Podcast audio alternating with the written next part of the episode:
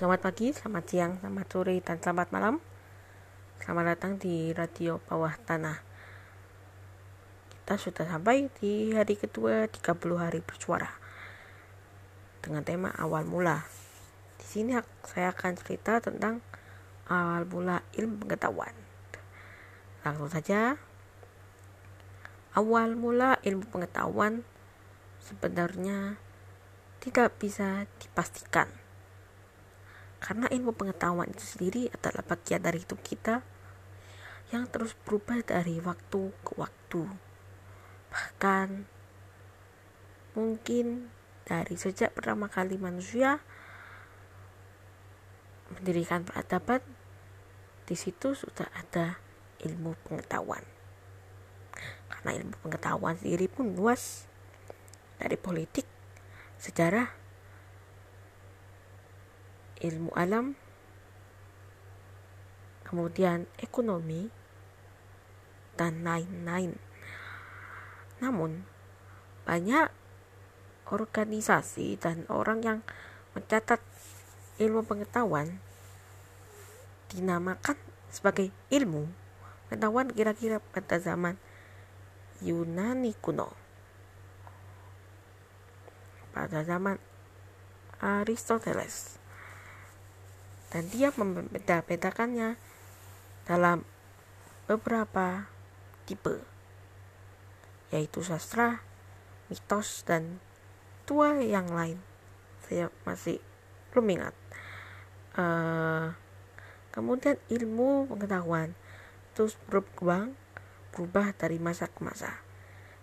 Seiring dengan perubahan perilaku manusia, keinginan manusia, dan siapa yang memimpin peradaban manusia di dunia ini.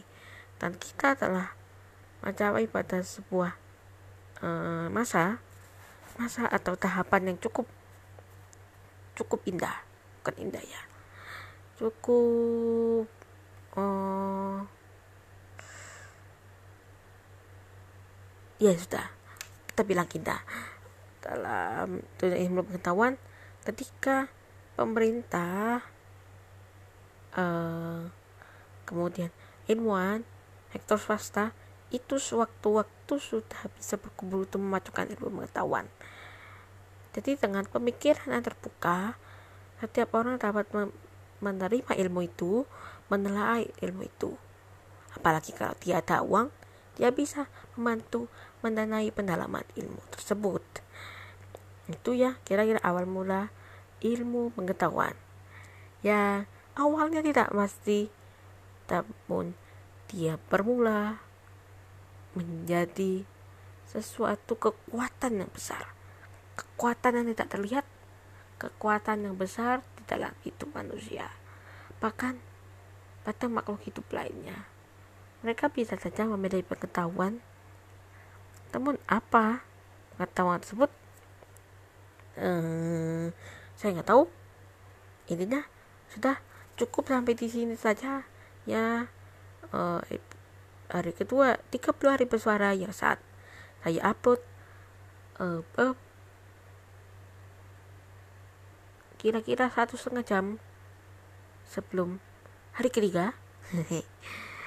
Selamat pagi selamat siang selamat sore dan selamat malam dari radio bawah tanah